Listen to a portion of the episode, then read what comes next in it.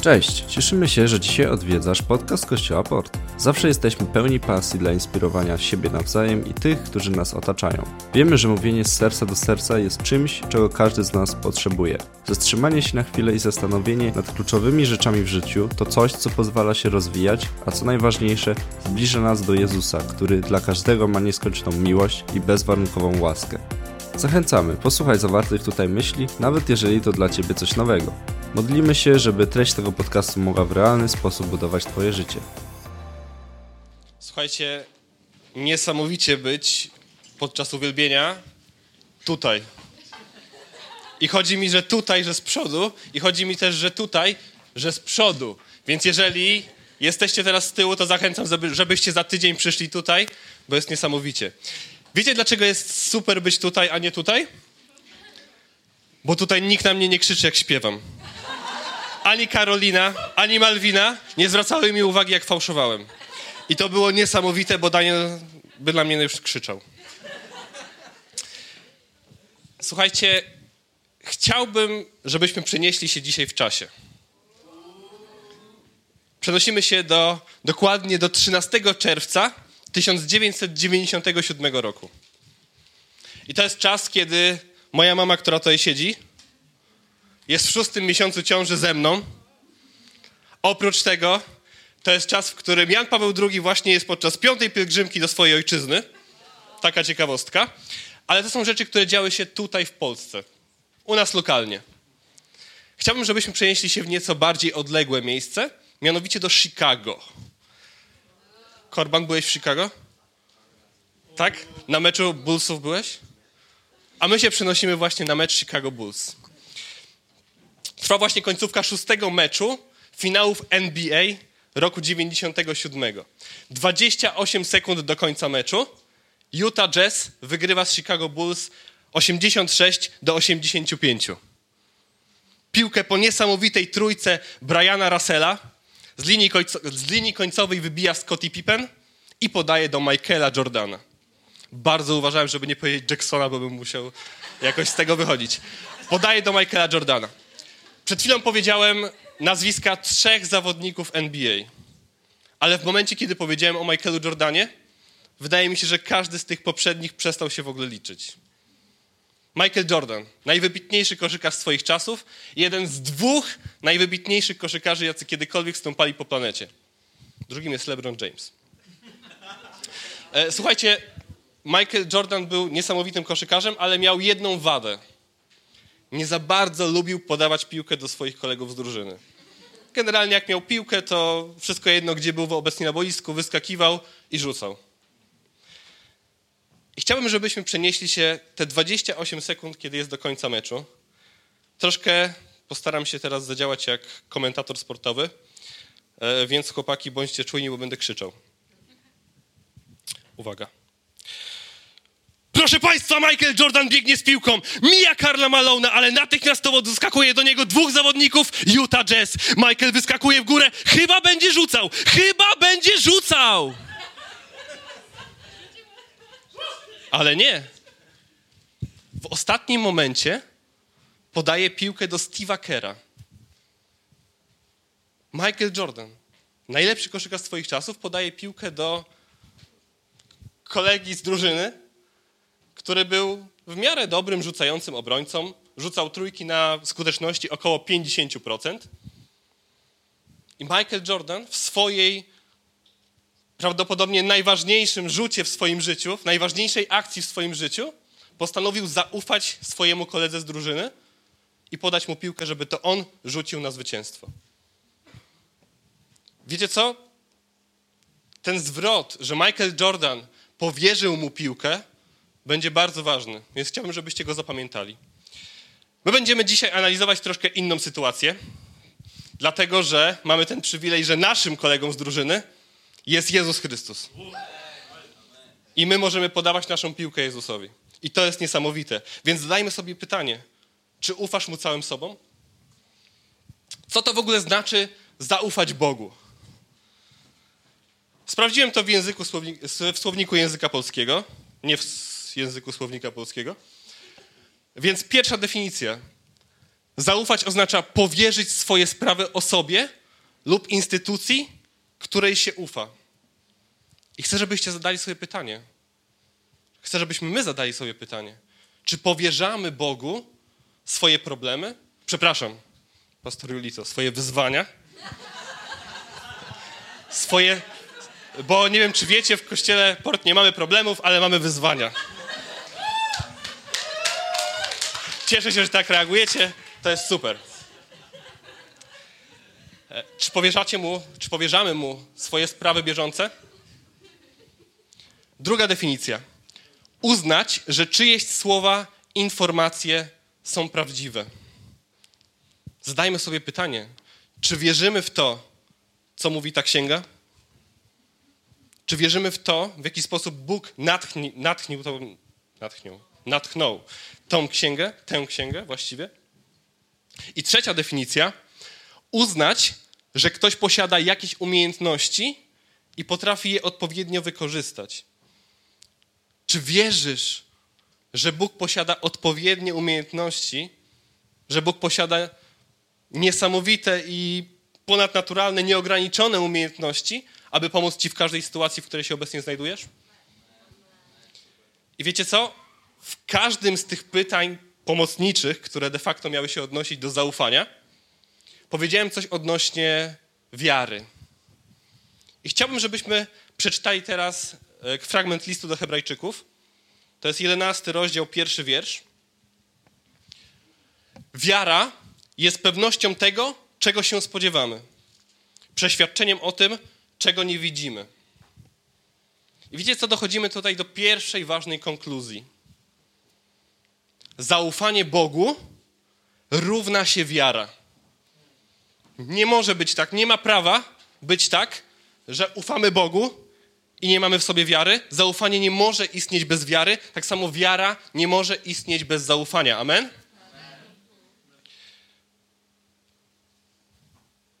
Wiecie co, nie wiem, czy macie tak samo jak ja, ale często słyszę u ludzi takie, takie stwierdzenie. Oho, zaufam jak zobaczę. U, uwierzę w coś jak zobaczę. I wiecie, zastanawiałem się nad tym stwierdzeniem. I wydaje mi się, że sens tego stwierdzenia jest mniej więcej taki, że nie ma ono żadnego sensu.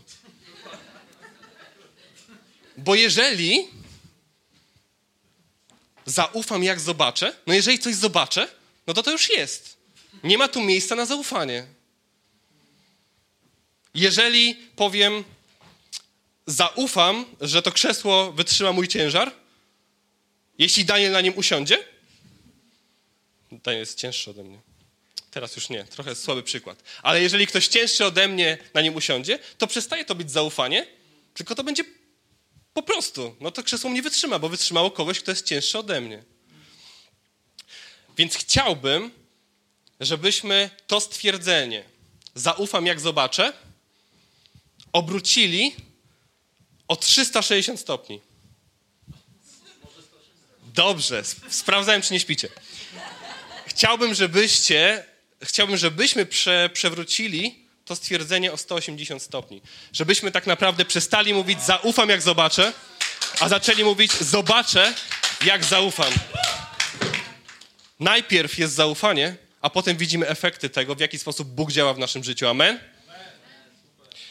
Wszystko jest możliwe, jak tylko zaufamy Bogu. Wierzę w to całym sercem. Chciałbym przeczytać teraz fragment Biblii, drugiej księgi Kronik, które opowiada o e, królu Jehoszafacie. I to jest dosyć długi fragment. E, I intencjonalnie nie, nie będę go wyświetlał. Chciałbym, żebyście słuchali, jak, jak czytam ten fragment, bo będę dodawał pewne swoje wstawki e, w miejscach, które będą do tego przeznaczone. Fragment dotyczy pokonania Moabitów i Amonitów. Jakiś czas potem nadciągnęli Moabici i Amonici a z nimi niektórzy z Maonitów na wojnę z Jehoszafatem. Doniesiono wówczas Jehoszafatowi, nadciąga na ciebie w Haeson Tamar, to jest w Engedi, potężne wojsko z zamorza z Edonu. Jehoszafat przestraszył się. Wiecie co? To jest lekkie niedopowiedzenie. Dlatego, że ja się przestraszę, kiedy zobaczę, że moja żona się wkurzyła, bo świercz znowu wyszedł, wy, wy, wyskoczył z terrarium. Ja się wtedy przestraszę. Wtedy zrobię, o nie. Jehoszafat w tym momencie był przerażony. To było największe wyzwanie w jego życiu. To były wojska, których nie miał prawa pokonać. I czytamy dalej. Postanowił szukać woli Pana. Ogłosił też post w całej Judzie. Judejczycy zebrali się więc, aby szukać woli Pana. W tym celu przybyli również ludzie ze wszystkich miast Judy. Wtedy Jehoszafat stanął w zgromadzeniu Judy i Jerozolimy w świątyni Pana, przed nowym dziedzińcem i powiedział: Panie, Boże naszych ojców, czy nie Ty jesteś tym prawdziwym Bogiem na niebie? I czy nie Ty władasz pośród wszystkich królestw narodów? Ty jesteś silny, potężny, nikt Ci się nie oprze. Czy to nie Ty, nasz Boże, wypędziłeś mieszkańców tej ziemi przed swoim ludem Izraelem? I czy nie Ty dałeś ją potomstwo Abrahama, swojego przyjaciela na wieki? Dzięki temu zamieszkali w niej i zbudowali w niej świątynię dla Twojego imienia z przeświadczeniem.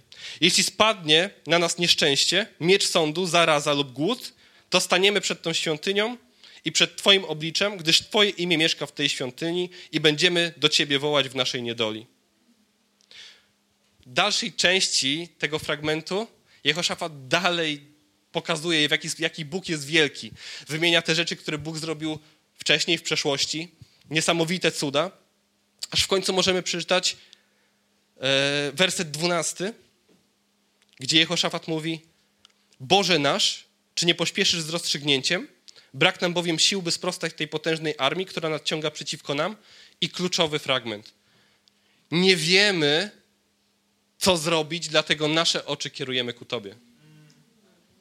Jehoszafat w momencie, kiedy zobaczył, nie jest w stanie samemu podołać temu wyzwaniu. Zwrócił oczy ku niebu i poprosił Boga o pomoc. Powiedział: Ja sam nie dam rady. Stali zaś tak przed Panem wszyscy Judejczycy, ich dzieci, kobiety i synowie. I wtedy duch Pana spoczął na obecnym zgromadzeniu Jahazielu, synu Zachariasza, syna Benejesza i tak dalej. Także przemówił: Uważajcie, wy wszyscy Judejczycy i mieszkańcy Jerozolimy oraz ty, królu Jehoszafacie. Tak mówi do was Pan. Nie bójcie się i nie drżyjcie przed tym potężnym wojskiem. Nie wasza to wojna, lecz moja. Dostali obietnicę od Boga rozwiązania tej sprawy. Niesamowita sprawa.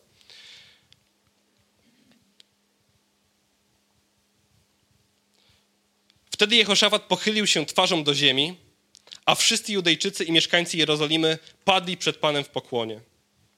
Lewici zaś spośród potomków Kehata i Koracha powstali, aby wielbić Pana Boga Izraela bardzo donośnym głosem. Następnego dnia wstali wcześnie rano i wyruszyli na pustynię Tekoa. Przed wyjściem Jehoszafat stanął i przemówił. Słuchajcie mnie, Judejczycy i mieszkańcy Jerozolimy. Zaufajcie Panu, waszemu Bogu, a doznacie wsparcia. Zaufajcie Jego prorokom, a poszczęści wam się. Potem, e, potem naradził się z ludem i wyznaczył śpiewaków, którzy mieli wielbić Pana w odświętnych szatach, podążając na czele zbrojnych ze śpiewem. Wysławiajcie Pana, ponieważ na wieki trwa Jego łaska. A kiedy wznieśli radosny okrzyk i pieśń uwielbienia, Pan wprowadził w zasadzkę ciągnących na Judę Amonitów, Moabitów i mieszkańców pogórza Seir, tak, że zostali pobici. Nikt nie ocalał, potem możemy przeczytać. Wiecie co? Specjalnie przeczytałem cały ten fragment, bo jako całość ta historia jest pokazaniem takiego niesamowitego zaufania Bogu, ale też niesamowitego oddania ludziom przez Boga. I taka rzecz, która najbardziej zaciekawiła mnie w tym fragmencie, to jest to, że kiedy podzielimy sobie ten fragment na kilka punktów, to możemy otrzymać taką dosłowną instrukcję, co zrobić, żeby osiągnąć sukces. Wiecie, ile pieniędzy musielibyśmy wydać na jakiegoś coacha, żeby powiedział, jak osiągnąć sukces? W Biblii mamy to za darmo. Jaki z tego wniosek? Dokładnie. Amen. Czytaj Biblię. Tak. Przy okazji. Ale wracając do Jehoszafata. jego droga w rozwiązaniu tego wyzwania, tego problemu, przed którym stanął, jest ponadczasowa. I wypisałem sobie takich pięć punktów, co zrobił Jehoszafat w momencie wyzwania, aby zaufać Bogu. Pierwsza rzecz, którą zrobił, zwrócił się o pomoc do Pana. Powiedział: Panie, nie dam rady rozwiązać tego problemu sam. Więc pierwszym punktem dla nas, nie bójmy się przyznać, że nie damy rady. Nie bójmy się powiedzieć Bogu: Panie, nie dam rady tego zrobić sam, pomóż mi. Nie ma w tym nic strasznego. Bóg chce nam pomóc, jesteśmy Jego kochanymi dziećmi. Jak dziecko ma problem, zwraca się z tym do kogo? Do rodzica. My powinniśmy zrobić dokładnie to samo. Punkt drugi, który zrobił Jehoszafat, ogłosił post. I e, chciałbym trochę rozmyć taki, to, to, w jaki sposób myślimy na temat postu, bo często w naszych głowach mamy takie przeświadczenie, że post to jest tylko nie jedzenie i nie, nie picie. Jak nie będziemy jeść, nie będziemy pić, to Bóg będzie nas wysłuchiwał. To nie jest sedno postu. Wiecie, co jest najważniejsze w poście? Że usuwamy wszelkie rozpraszacze, wszelkie rzeczy przyziemne, po to, żeby w całości, całym sobą skupić się na spędzaniu czasu z Bogiem, żeby w całości, całym sobą skupić się na czytaniu Pisma Świętego, na zadawaniu Bogu pytań i otrzymywaniu od Niego odpowiedzi. I to jest bardzo dosłowne, co mamy zrobić, jeżeli mamy problem. Zwracamy się do Boga, czytamy Pismo, rozmawiamy z Nim. Punkt trzeci. Jehoszafat zebrał mieszkańców Judy. Chciał, żeby wszyscy razem modlili się o wspólny cel. To jest też nasza droga. Mamy wokół siebie ludzi, którym możemy powierzać nasze wyzwania, nasze problemy, którzy będą się z nami o nie modlić. Wiecie, w kościele Port mamy, mamy coś takiego jak domówka, grupa domowa. I to jest takie spotkanie, e, na którym jest kilka takich domówek u nas w kościele, ale to jest spotkanie trochę mniejszej grupy osób niż, niż tutaj w tym momencie na nabożeństwie, e, ale każdy może do takiej domówki dołączyć. Jest to spotkanie, na którym razem się modlimy, razem uwielbiamy Boga, razem jemy. Nie można o tym zapomnieć, bo to bardzo ważne. Po prostu spędzamy razem czas, rozwijamy się, ale ta modlitwa też jest bardzo, bardzo ważna. Wiecie co? Powiem wam jeszcze jeden sekret. Podobno na jednej z grup istnieje taki legendarny przedmiot jak złoty zeszyt. Złoty zeszyt. Jak zapytacie Iwony, która tam w pomarańczowej bluzce jest, złoty zeszyt to jest taki niesamowity przedmiot, w którym zapisywane są intencje modlitw, a potem wszyscy się o nie modlą. To jest super sprawa, bo nawet bez jeżeli jesteśmy bardziej, bardziej nie, nie, chcemy te naszego problemu mówić na, na forum wszystkich, to i tak wszyscy się będą modlili o, ten nasz, o nasze wyzwanie. Więc punkt trzeci, módl się z innymi o, swój, o swoje wyzwanie.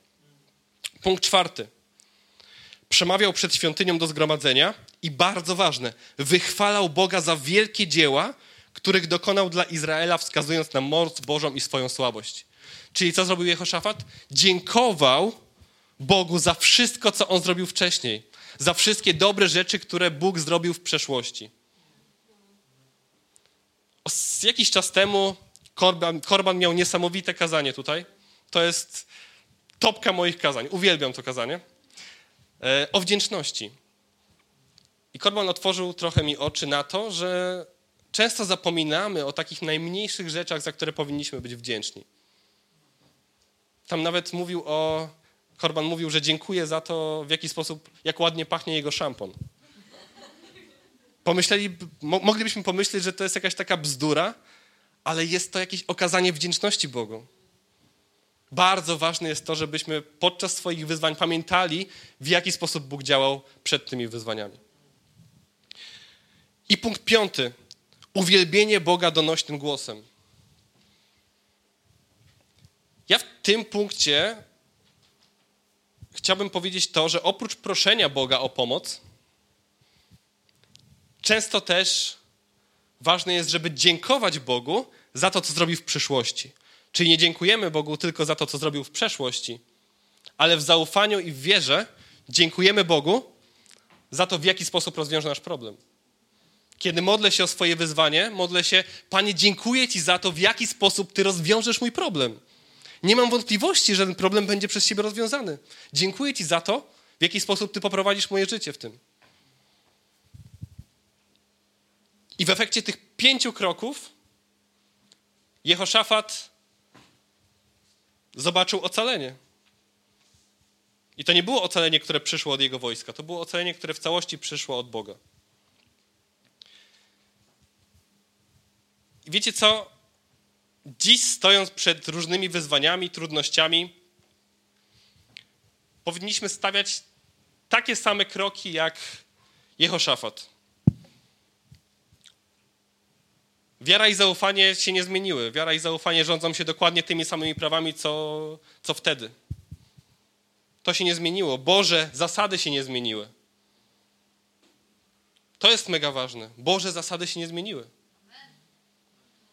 I wiecie co? Wracajmy do koszykówki.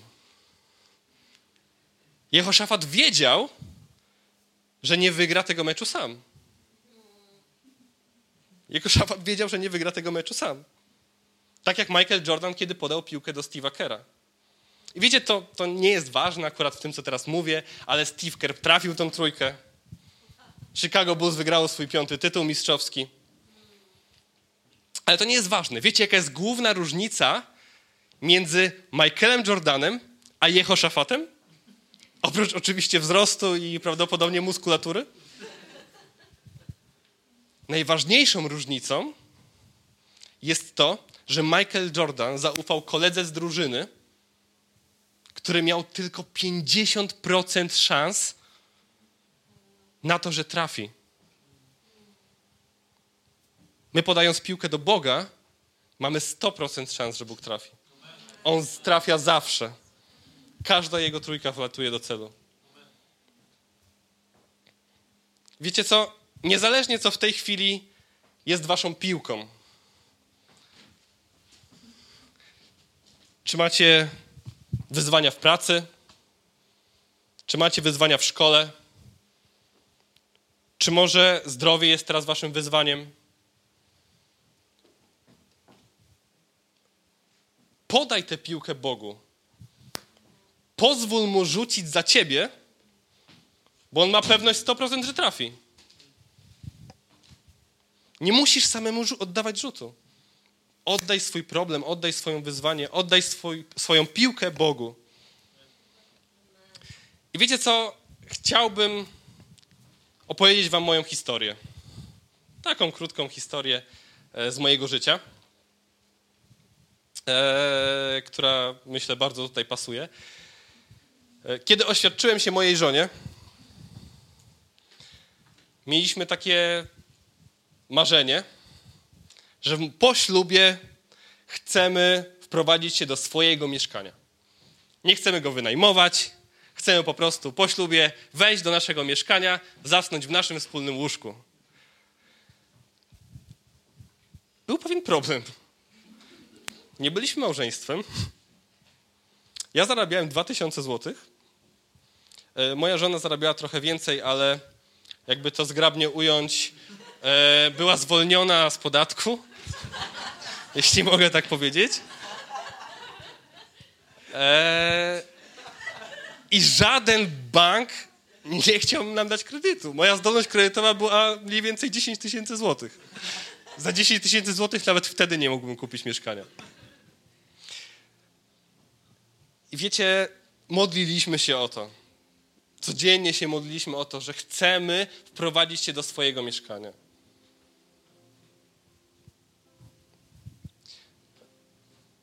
I wiecie, w pewnym momencie Bóg zesłał nam pewną osobę, doradcę kredytowego, która to pani, pani doradca kredytowy, w taki sposób udało jej się załatwić niektóre sprawy, że dostaliśmy kredyt. Chociaż nie powinniśmy tego kredytu dostać, absolutnie. Nie bylibyśmy w stanie nawet go spłacić. Mało tego, dostaliśmy kredyt, a mieszkanie kosztowało prawie 100 tysięcy mniej niż powinno kosztować. Widzicie, ta, to nasze zaufanie, to, że codziennie modliliśmy się, to, że codziennie dziękowaliśmy tak naprawdę Bogu za to, że my będziemy mogli się wprowadzić do tego mieszkania, spowodowało to, że owocem tej modlitwy, owocem tego zaufania było właśnie to nasze mieszkanie. Chciałbym teraz, żebyście wstali. Będziemy się za chwilę modlić. Przed modlitwą chciałbym jednak przeczytać jeszcze pewien fragment z Psalmu 37. Bo wierzę, że, że to jest taki fragment, którym też będziemy się modlić. Powiesz Panu swoją drogę, zaufaj Mu, a On wszystko dobrze uczyni. Kochani, módlmy się z wiarą o to, że Bóg jest w stanie pomóc nam w każdej sytuacji, w której się znajdujemy. Bo ten fragment, który jest tutaj, to jest obietnica. Bóg nas nie okłamie. To jest obietnica tego, w jaki sposób Bóg poradzi sobie z naszymi problemami, z wyzwaniami, które są w naszym życiu. Panie, dziękuję Ci za to, że Ty jesteś w każdej sytuacji wokół mnie. Ty stoisz za mną, Ty mnie trzymasz w każdej sytuacji, Panie. Trzymasz mnie za rękę. Dzięki Ci, Panie, że zawsze mogę na Ciebie liczyć. Ty masz niesamowitą moc, Panie. Dzięki Ci za to, że Ty nigdy mnie nie opuszczasz. Dzięki Ci, Boże, za to, że Ty nigdy mnie nie opuszczasz, że stoisz przy mnie. Jesteś królem królów. Jesteś panem panów. Dzięki za Twoją obecność, za Twoją miłość, za to, że Ty nie jesteś takim karcącym ojcem, tylko Ty jesteś tatą, który trzyma nas za rękę, który pomaga nam stawiać kolejne kroki. Dzięki Ci, Jezu, jesteś wielkim Bogiem. Posłuchajcie Jego głosu. Ja wierzę, że On mówi do każdego z osobna. On nas woła po imieniu. On zna każde nasze imię. On woła do Ciebie. Powiesz mi swoje problemy. Zaufaj mi. Ja je rozwiążę. To nie jest Twoja walka, lecz moja.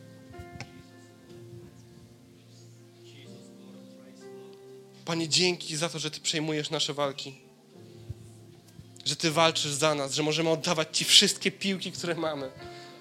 Że Ty każdą z tych piłek rozwiązujesz. Że zawsze trafiasz w punkt. Jesteś wiernym Bogiem. Jesteś Bogiem, którego nic nie jest w stanie pokonać. Dzięki Ci za to.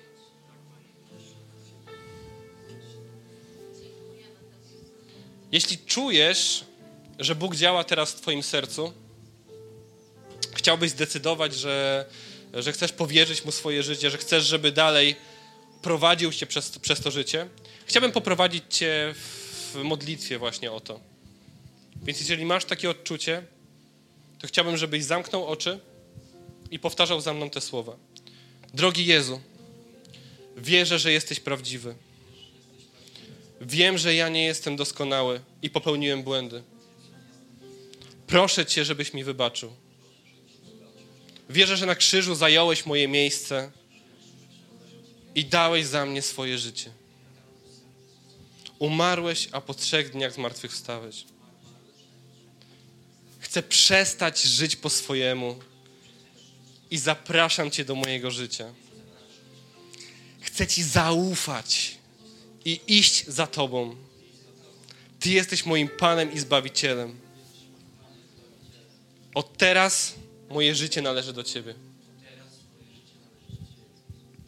Amen. Kochani, uwielbiajmy Boga dalej. Uwielbiajmy całym sercem, dziękujmy Mu za to i ufajmy Mu przez cały czas. Jeżeli czujesz się zainspirowany, zapraszamy do nas. Spotykamy się na Huzarskiej 3A w Rydłowie każdej niedzieli o godzinie 11. Na miejscu będą osoby, które przyjaźnie Ci przywitają i podadzą wszystkie potrzebne informacje.